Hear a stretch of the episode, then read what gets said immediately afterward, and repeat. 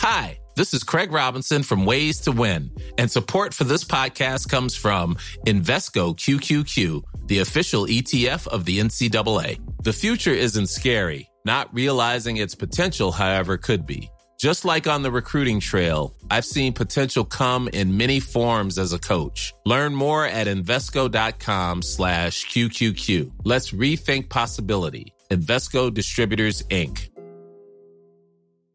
Ready to pop the question? The jewelers at BlueNile.com have got sparkle down to a science with beautiful lab grown diamonds worthy of your most brilliant moments. Their lab grown diamonds are independently graded and guaranteed identical to natural diamonds, and they're ready to ship to your door. Go to Bluenile.com and use promo code LISTEN to get $50 off your purchase of $500 or more. That's code LISTEN at Bluenile.com for $50 off. Bluenile.com code LISTEN.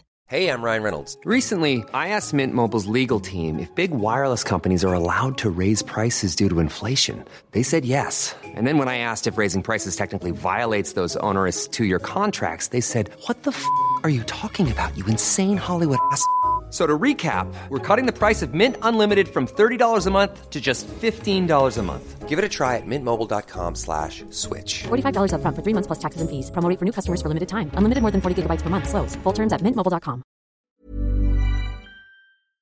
I've drummed it into our players that they are privileged to play for you.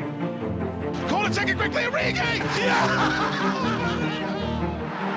Mission Impossible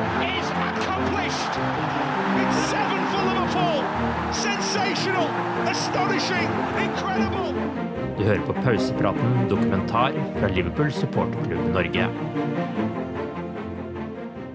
Jeg heter Mari Lunde, og dette er første del av historien om Kenny Dalglish. Den 4. mars 1951 kom Kenny Dalglish til verden på et sykehus i Dalmarnock, øst i Glasgow. Da han var 14 år gammel, flyttet familien til en blokk som hadde utsikt til Ibrox, hjemmebanen til favorittlaget Rangers. Forholdet til Liverpool startet da han bare var 15 år gammel. Han hadde spilt for Possel YM og Drumchapel Amateurs, og var nå i Glasgow United. Speidere hadde oppdaget Glasgow United-spilleren, og Liverpool-manager i august 1966, Bill Shankly, inviterte tenåringen ned til Merseyside for prøvespill med de rødkledde. Det var hans første tur bort fra hjembyen, og han ble plassert ti netter på et YMCA-hotell, eller KFUM som det kalles i Norge. Shankly tok han imot utenfor Anfield, før han ble sendt til å skifte, og så krabbe om bord i spillebussen som skulle ta dem til treningsfeltet Melwood. Der satt Liverpool-stjernene på rekke og rad. Roger Hunt, Ian Callahan, Tommy Smith, Ron Yates, Ian St. John. Sistnevnte var en helt for alle skotter. Shankly krevde mye av han, og kompisen hans, som også var med på prøvespillet. Han fikk spille i en treningskamp mot Southport. I kampen så hadde han en kjempesjanse til å utligne Southports 1-0-ledelse, og han skulle til å bare rulle ballen i mål da en annen unggutt, Jimmy Bauman, dukket opp og snappet ballen fra han. Bauman bommet, og Dalglish ergret seg. Shankly ville at han skulle prøvespille i enda en kamp tirsdag kveld, men da sa Dalglish nei.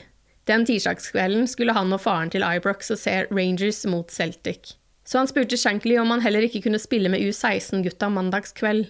Det var greit, og etter kampen mandagen kjørte Shankly og assistent Ruben Bennett han til hotellet. Ifølge Kenny Dalglish sin bok My Liverpool Home snudde Shankly seg til unggutten og sa Kenny, vi liker deg, vi tror du vil bli en god Liverpool-spiller.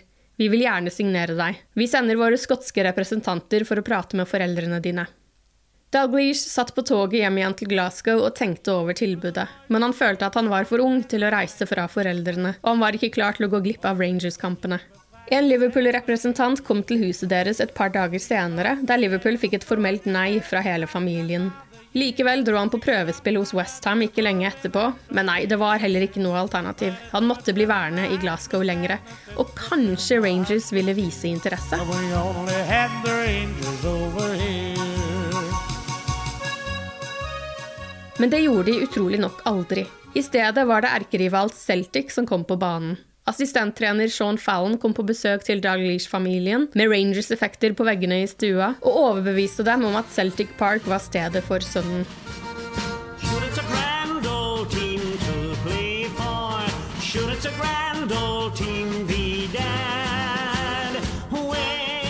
Dalglish signerte proffkontrakt med Celtic i mai 1967, bare noen måneder etter prøvespillet i England. Den første sesongen var han på utlån til Cumbernauld United, og jobbet ved siden av på et lager og som snekker. Celtic-manager, den legendariske Jock Steen, foreslo at Dalglish dro ut på lån også den andre sesongen, men da satte unggutten foten ned. Han ville bli værende på Celtic Park og spille for reservelaget eventuelt. Det gjorde han lurt i. Reservelaget ble bare kalt Quality Street Gang pga. det høye nivået på spillerstallen, og i september 1968 fikk han debuten for førstelaget i en 4-2-seier over Hamilton Academical i den skotske ligacupen. Da 60-tallet ble til 70-tallet, var han fortsatt ikke fast i førstelaget, og i januar 1971 satt han på tribunen da Rangers tok imot Celtic på Ibrox foran rundt 80 000 tilskuere. På tribunen på motsatt side av der Dalglish satt, oppsto det en pressituasjon da supporterne forsøkte å komme seg ut av stadion ved trapp nummer 13. Supportere falt over hverandre i trappene, og kropper skal ha ligget oppå hverandre nesten to meter høyde. 66 mennesker mistet livet, de fleste av dem tenåringer. Den yngste var en ni år gammel gutt fra Liverpool. I løpet av 1971-72-sesongen etablerte han seg endelig i førstelaget. Sommeren 1974 kom nyheten om Bill Shankleys avgang i Liverpool, og den 12. august samme år ledet Shankly laget i en av sine siste kamper, i Billy McNeils testimonial-kamp på Celtic Park. Det ble altså et gjensyn med Shankly og hans enorme Liverpool-lag for Dalglish, og han fikk nok en gang kjenne på Liverpools overlegne spillestil, til tross for at kampen endte 1-1. Det var og er en ekstrem rivalisering mellom Celtic og Rangers. Likevel så blomstret han for Celtic, og han elsket tiden sin på Celtic Park. Men jo bedre han ble, jo mer kom behovet for å reise vekk. Både i 1975 og i 1976 var han nære på å dra, men Jock Steen klarte å overtale han til å bli. I 1975-76 ble han forfremmet til kaptein, og det var første gang på tolv år at klubben ikke vant et trofé. Men sommeren 1977 var det ingen som kunne overtale Dalglish om noe annet. Han fortalte kona, Marina, at nå måtte de dra. Nå var det riktig. De hadde to barn på det tidspunktet, Paul og Callie, som enda ikke hadde begynt på skolen, og derfor enkelt kunne flyttes på uten de største problemene. Men Jockstein ville fortsatt ikke la han dra.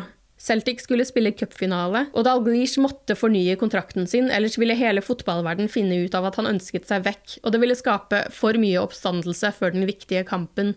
Dalglish gikk med på å signere en forlengelse, men han hadde ikke forandret mening. Han gikk til sjefens kontor og insisterte på å få dra, til Jock Steens store forargelse. Det var en anspent stemning mellom Dalglish og Steen, men førstnevnte kunne rømme til landslagspause i Chester. Mens han satt på hotellrommet sitt en kveld, kom det en dokumentar om Liverpool FC på TV-en. Det var dagen før europacupfinalen mot Borussia Mönchengladbach. Dokumentaren viste et så tett kameraderi om bord på spillebussen, selv etter et tap i FA-cupfinalen mot Manchester United. Dalglish ønsket desperat å bli en del av det. Liverpool føltes riktig, ikke bare for fotballen, men også for de mange likhetene mellom byene Liverpool og Glasgow, med sin kjappe humor, arbeiderklasse og store fotballhistorie. Og ikke minst var Liverpool FC allerede godt vant med skotter i garderoben. Det føltes riktig. Jock Steen fortsatte å gjøre livet litt vanskelig for stjernen. Da han kom tilbake til Celtic fra landslagspausen, så var han frustrert. Alle spillerne snakket om preseason-turen de skulle på til Singapore og Australia noen dager senere, og Dalglish følte at dersom han gikk om bord på det flyet, var alt håp om en overgang over. Men Steen sa at dersom han ble med, så skulle han ta noen telefoner på Kennys vegne. Men Dalglish nektet. Han ble sendt hjem fra trening, og mens resten av laget reiste til den andre siden av jordkloden, ble han igjen i Glasgow og trente med reservene. Men Steen og Liverpool-manager Bob Paisley var i kontakt. Paisley kom for å se Dalglish i en preseason-kamp i august, da Steen og førstelaget var tilbake i Glasgow. Steen tok kapteinspinnet fra Dalglish, men senere samme kveld ringte han til puben til faren til Marina, The Dart Inn, der Dalglish satt og drakk en cola.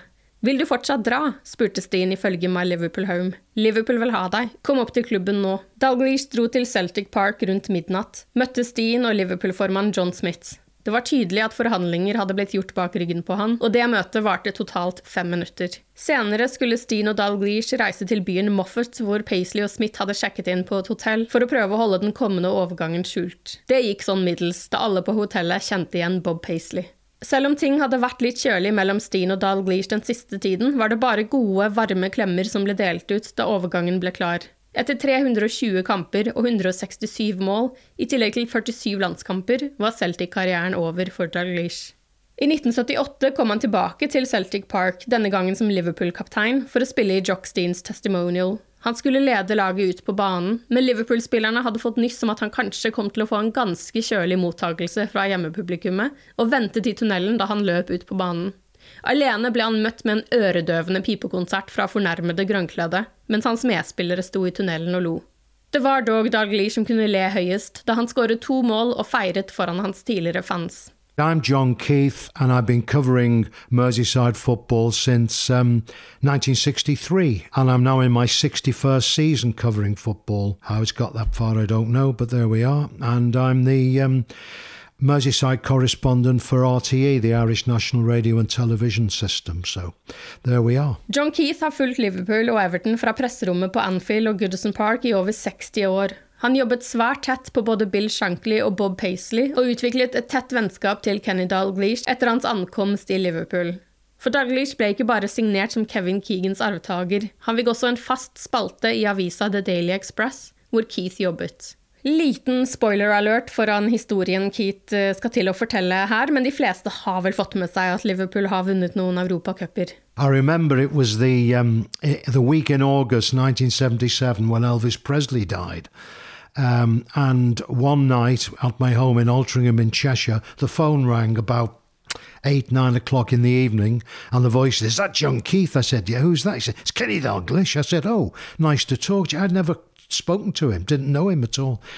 And I said, he said, yes. Well, uh, he said, um, uh, I'm, I've, I said, I know you've signed. Yes, and I've signed for the Daily Express as well. I was on the Daily Express. And you're doing my column. I said, oh, I didn't know that, Kenny. Thanks for telling me. Told me even before the office had told me. So he said, but I've, uh, I've told them I'm not going to be controversial. I said, okay. He said, yeah. Now, the sports editor said, John will make sure it's okay. And I said, don't put the onus on John. It's not going to be controversial. Well, I have to say, Kenny was true to his word. It certainly wasn't controversial because um, I we did the column on a Thursday, and I I would from Tuesday onwards I would start worrying what on earth are we going to write about on Thursday for Friday morning's paper.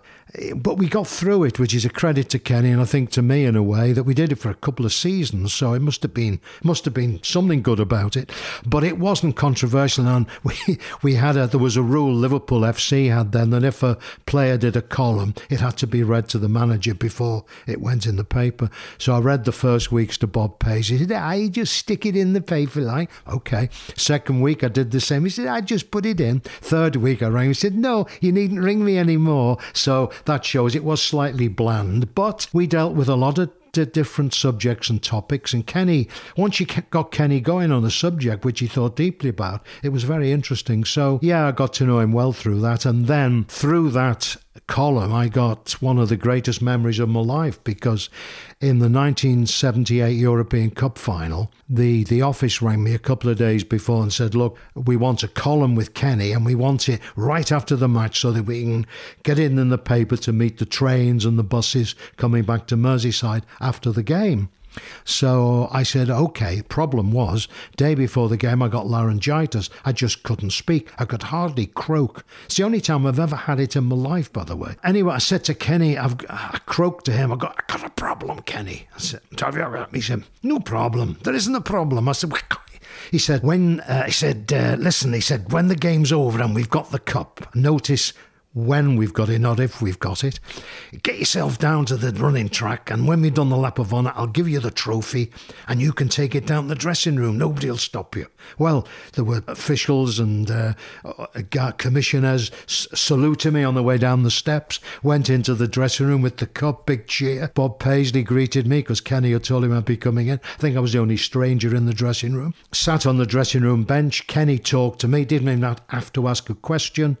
Uh, he knew what would want to ask, told me, and I raced up, made a few, made a few notes, raced back up, right back up to the, the top of Wembley where the press box was situated. Derek Potter, my colleague, was waiting for me with an open line to the uh, the copy takers in Fleet Street, and um, I croaked the stuff, and he dictated it, and there we had a a column, a Kenny column. So that was a wonderful um, a wonderful memory, and I don't think many journalists can say they've taken the European Cup off Wembley. No, it was a, and I got to know him very well after that. Um, we did it for about two seasons. I'm very close to him. We still, if we don't whatever else happens in the year, we we always go out at Christmas. We have a we have a press and football Chinese get together at Christmas, and Kenny and Joe Royal and Mark Lawrence and people like that. We and Everton and Liverpool people I've worked with over the years. We all get together, which is lovely. Da Dalglish kom til Liverpool, måtte han gjennom en kjapp medisinsk test, offisiell kontraktsignering og en pressekonferanse. Liverpool betalte 440 000 pund til Celtic, og så ble han kjørt til Holiday Inn av Bob Paisley. Kaptein Emlyn Hughes kom og møtte han i baren for å ønske han velkommen, og dagen etter introduserte han han til alle spillerne. Shankly var pensjonert, men var fortsatt i området. Han ga Kenny to tips. Ikke overspis på Holiday Inn, og ikke mist dialekten din. One of the things about Kenny was, of course, that a lot of people couldn't understand him when he arrived. And because I was doing the um, column, I had to get to understand him very quickly. I became his sort of interpreter. and we were in Romania on a European Cup uh, trip, and I'm phoning my copy over. Again, this is behind the Iron Curtain. If you got a call through, in or out, you were very lucky. I got a call out to them to Manchester, the Daily Express. I was in the middle of my copy, and on my hotel door. And I said to the copy taker, I've got to answer my door. It could be hugely important, but just keep talking as if I'm still on the line. Don't let them hear silence or they'll, they'll end the call. So I raced to the door. Graham Souness. I said, Graham, he says, Will you come down to room 223? I don't know what he's saying to me.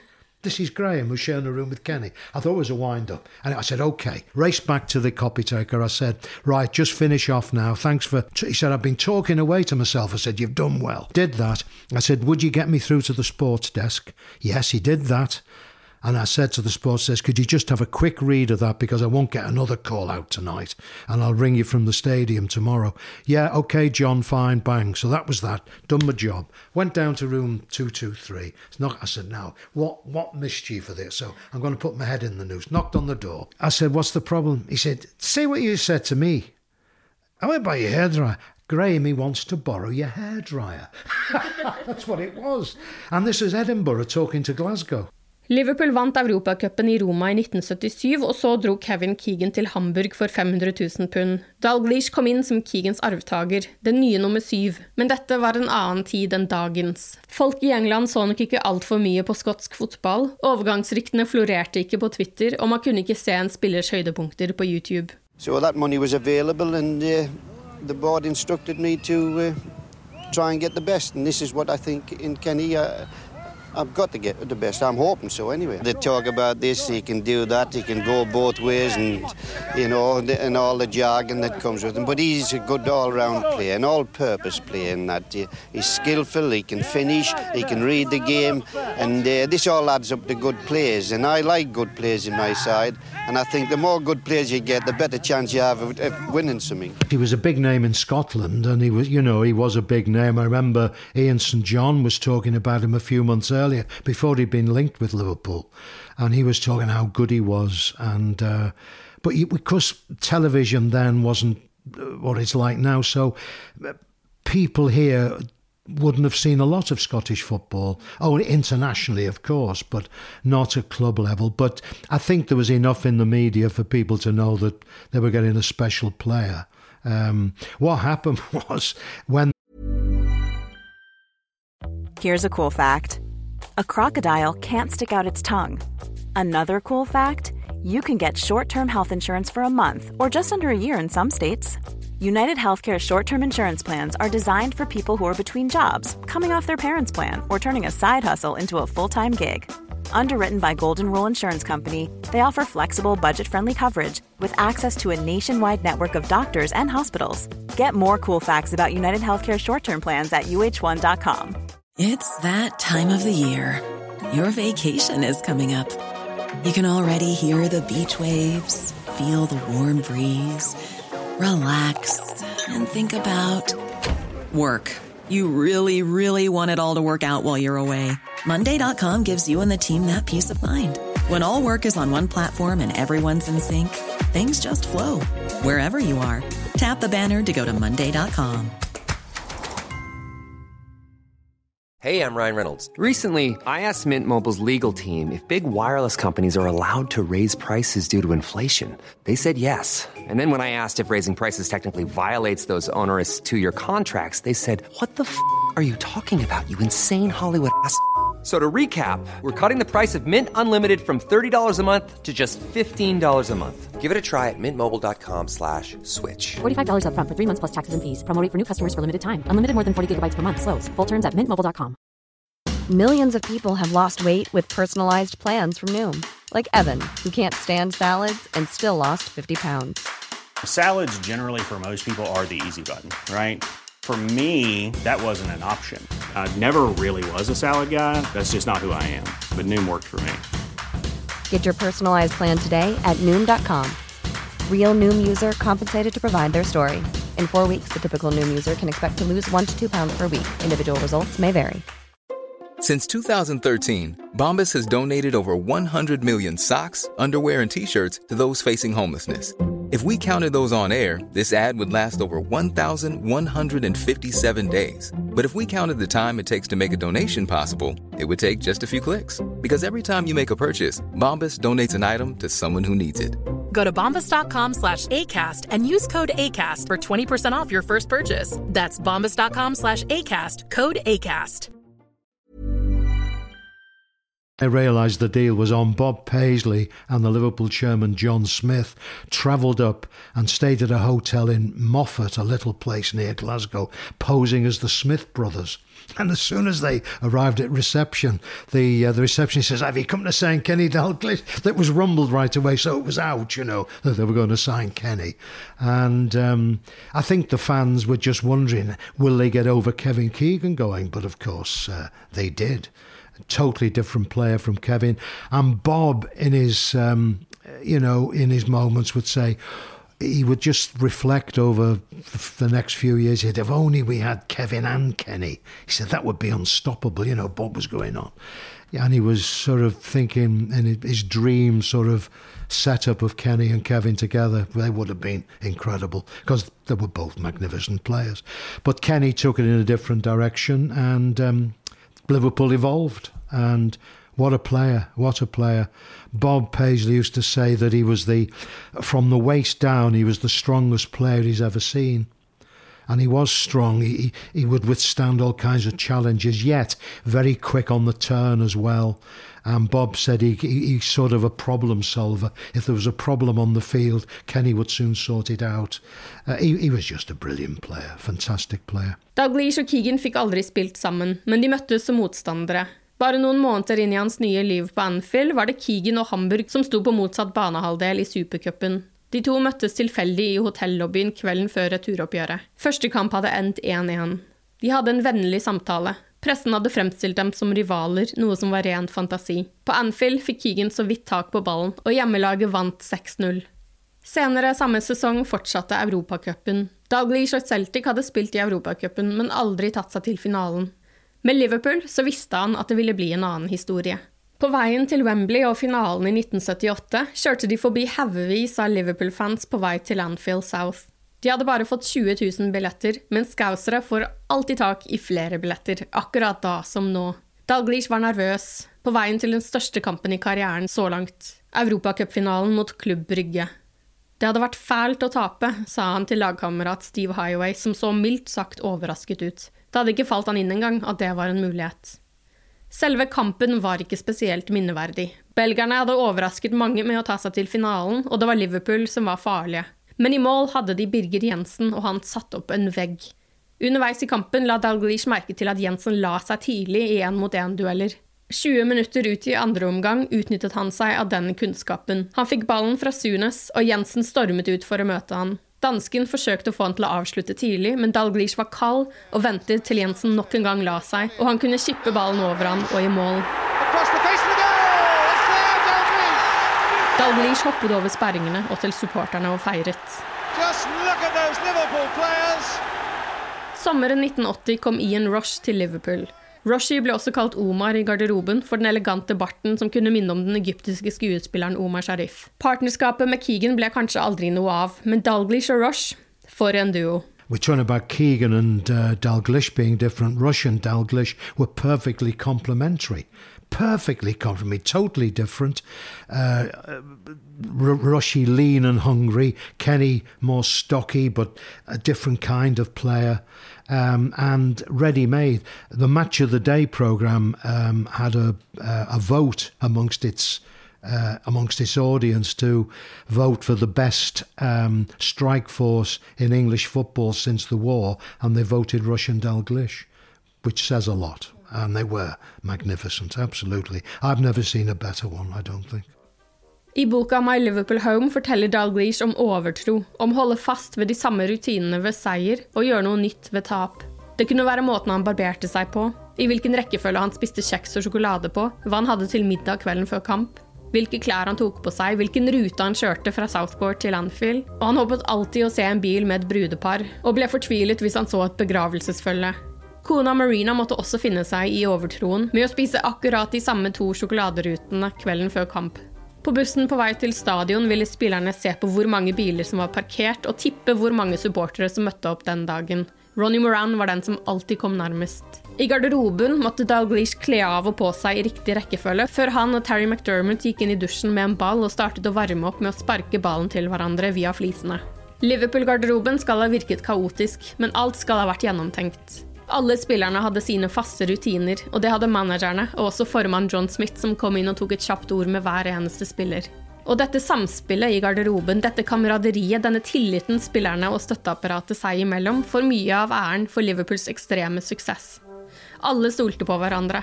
De plaget og ertet hverandre til et vanvittig nivå i garderoben, men kunne kjempe til blods for hverandre på banen. Dalglish måtte alltid bruke det samme toalettet før kamp på Anfield. Det var toalettet til høyre. Det var det han hadde brukt før kampen mot Newcastle, ligadebuten på Anfield, hvor han skåret et mål og Liverpool vant 2-0. Cop King Kenny sto det i The Mirror dagen etter Newcastle-seieren.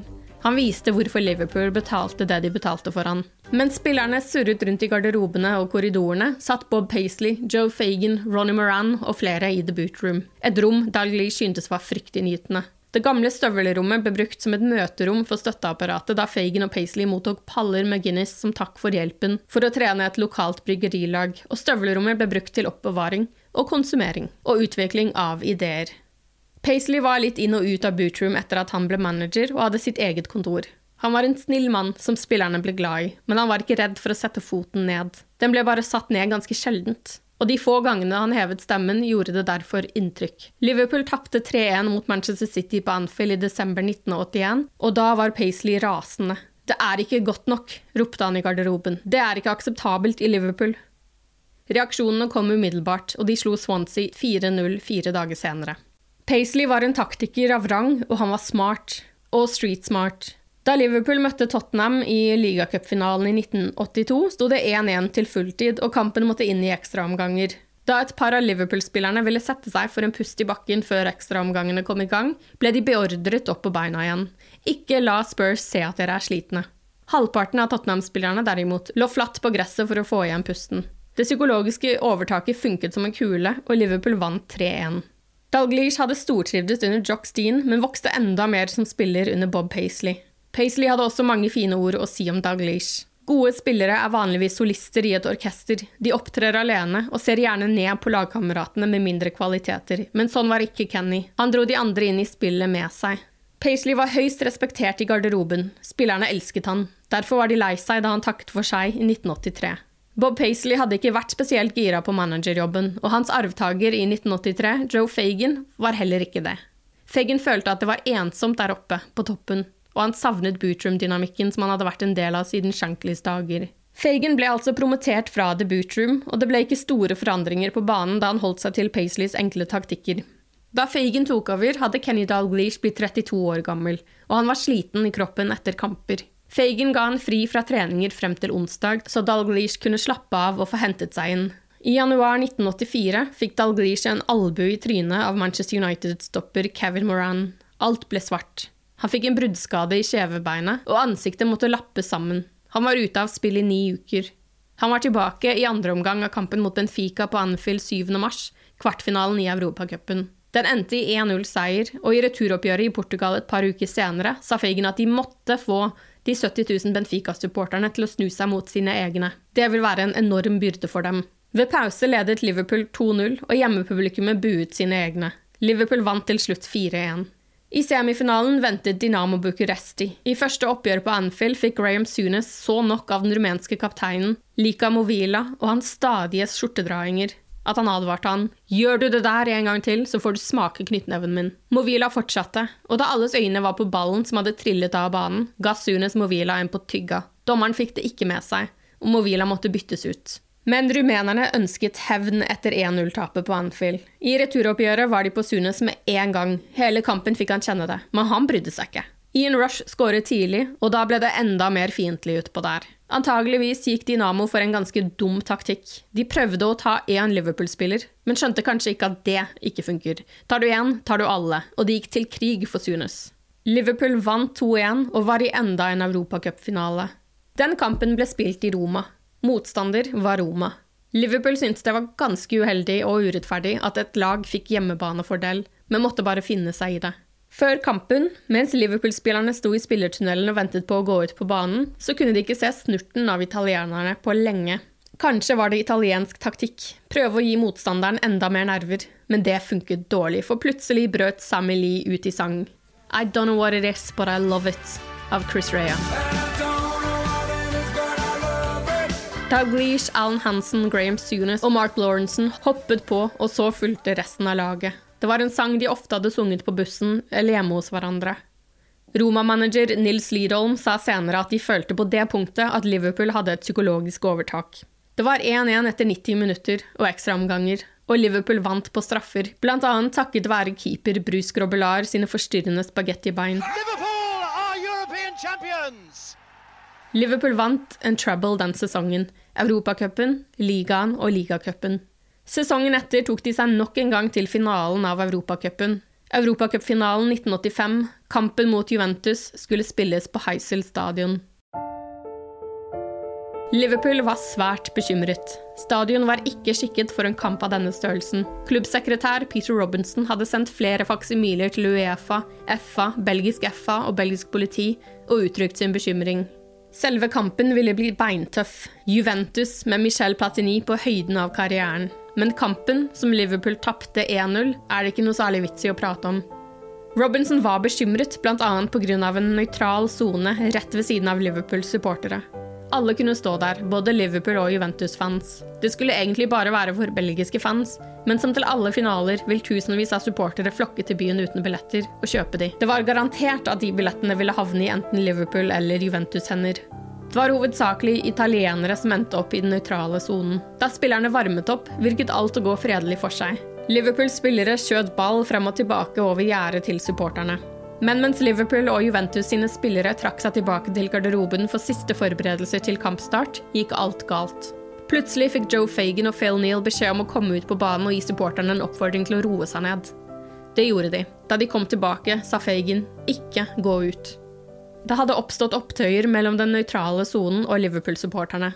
Det sies at det ble kastet mursteiner fra den nøytrale sonen, og at det ble viftet med en pistol som skulle vise seg å være en startpistol. Liverpool-supporterne tok seg gjennom hønsenettingen og angrep den nøytrale sonen, og de som befant seg der, forsøkte å flykte vekk, men hadde ingen steder å gå. En vegg kollapset, den ga etter etter presset for alle menneskene som desperat forsøkte å komme seg unna. Mye av aggressiviteten stammet fra året før, i Roma, da tilreisende supportere ble pepret med steiner og flasker underveis i kampen. Da de følte situasjonen gjentok seg på Heisel, valgte en gruppe supportere å ta igjen. Konsekvensene ble fatale, grusomme, og ingenting unnskylder det. I'm afraid the news is very bad from Brussels. Hooliganism has struck again, and I'm afraid the scenes are as bad as anything we've seen for a long, long time. Etter 90 minutter med meldinger til og fra, kampen er avlyst, kampen vil gå, ble det bestemt å spille fotball, i frykt for at situasjonen skulle eskalere dersom kampen ble avlyst. En helt meningsløs kamp med fotball foran en tragedie. 14 minutter ut i andre omgang ble Juventus tildelt et straffespark for en forseelse utenfor 16-meteren, som en person fra Uefa innrømmet til Dalglish mange år senere at aldri skulle ha blitt gitt, men som ble gitt som et forsøk på å hindre at kampen skulle gå til ekstraomganger, få det ferdig så fort som mulig. 39 mennesker mistet livet den dagen. 32 italienere, fire belgere, to franskmenn og én nordire. 14 Liverpool-supportere fikk fengselsstraff. Etter en gjennomgang av hva som gikk galt den dagen, ga en belgisk dommer skylden til politikere, politiet og fotballtoppene. Track way.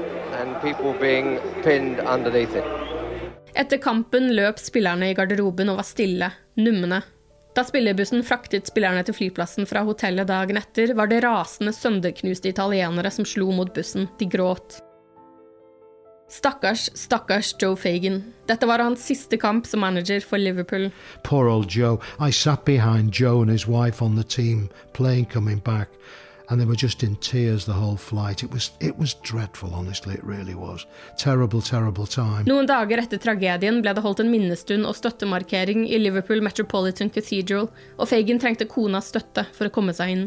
Fagan var på vei ut, og tidligere på dagen av finalen fikk pressen nyss om det. What had happened was Joe Fagan realised that the he, he took the job at an old age for, to become a manager then anyway. And um, after one great season when they did the treble, the the first ever treble in English football, he um, he told the club that he didn't want to do another season. But this was months before Heysel. There was a story put out after that he, he, he resigned after Heisley didn't. That was nothing to do with it. He'd already told them. And on the just hours before we were due to fly out to Brussels, I was with the team. I got a tip off from a very, very good source that Joe was going and Kenny was the new manager. So I ran that in the Express on the day of the game as an exclusive. It was an amazing story and it threw things out a bit because people didn't want to talk about it on the day of the game. But it was confirmed that he was going to be the next manager. But of course, little knowing what was going to happen. It was just awful, dreadful. So there was Kenny in this, you know, with the debris of this terrible tragedy taking over the next morning. Um, hardly, the fact that he'd got the job hardly got mentioned next morning because it was all this tragic aftermath of all these deaths at Heysel. Dagen etter tragedien kom kunngjøringen. Kenny Dalglish var Liverpools nye manager. I del to.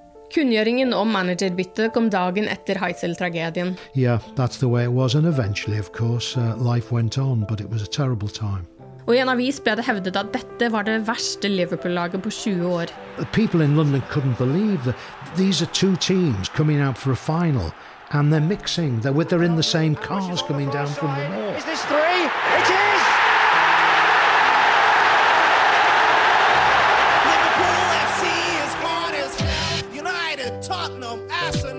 Men den sesongen huskes bare for én ting det mørkeste mørket. 93 fotballfans er døde etter Britain's worst sporting disaster. Kenny Dalglish var altså til stede på sin tredje fotballtragedie. På spillebussen hjem et par timer senere var det helt tyst.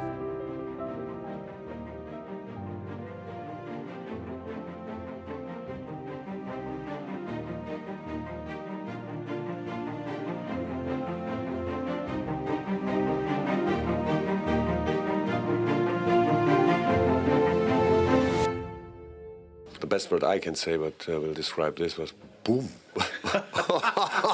Ooh, what was this? It was really good. Even on a budget, quality is non-negotiable. That's why Quince is the place to score high-end essentials at 50 to 80% less than similar brands. Get your hands on buttery soft cashmere sweaters from just 60 bucks, Italian leather jackets, and so much more. And the best part about Quince, they exclusively partner with factories committed to safe, ethical, and responsible manufacturing. Elevate your style without the elevated price tag with Quince. Go to quince.com slash upgrade for free shipping and 365-day returns.